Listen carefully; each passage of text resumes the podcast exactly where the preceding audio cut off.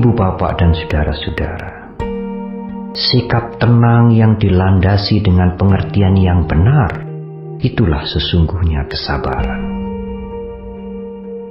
Pengertian yang pertama adalah menyadari bahwa segala sesuatu di alam semesta ini tidak kekal.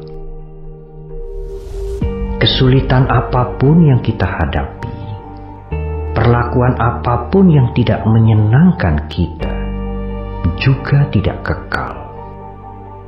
Menyadari ketidakkekalan itu akan membuat kita bertahan. Tidak ada alasan untuk berpatah semangat.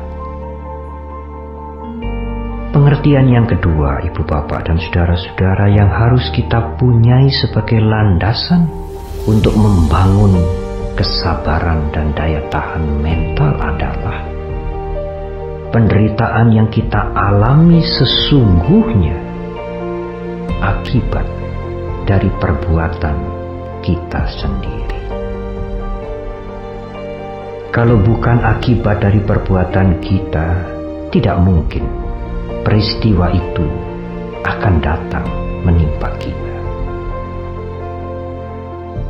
Kalau ibu bapak dan saudara berpikir seperti ini, maka tidak ada tempat untuk membenci kepada yang lain.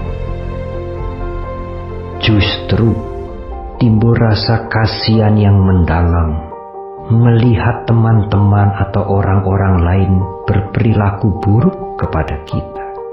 Karena perilaku yang buruk itu juga akan membuahkan penderitaan bagi pembuatnya sendiri. Ibu bapak dan saudara-saudara, dengan dua landasan pengertian inilah kita meningkatkan, kita memperkuat daya tahan mental kita.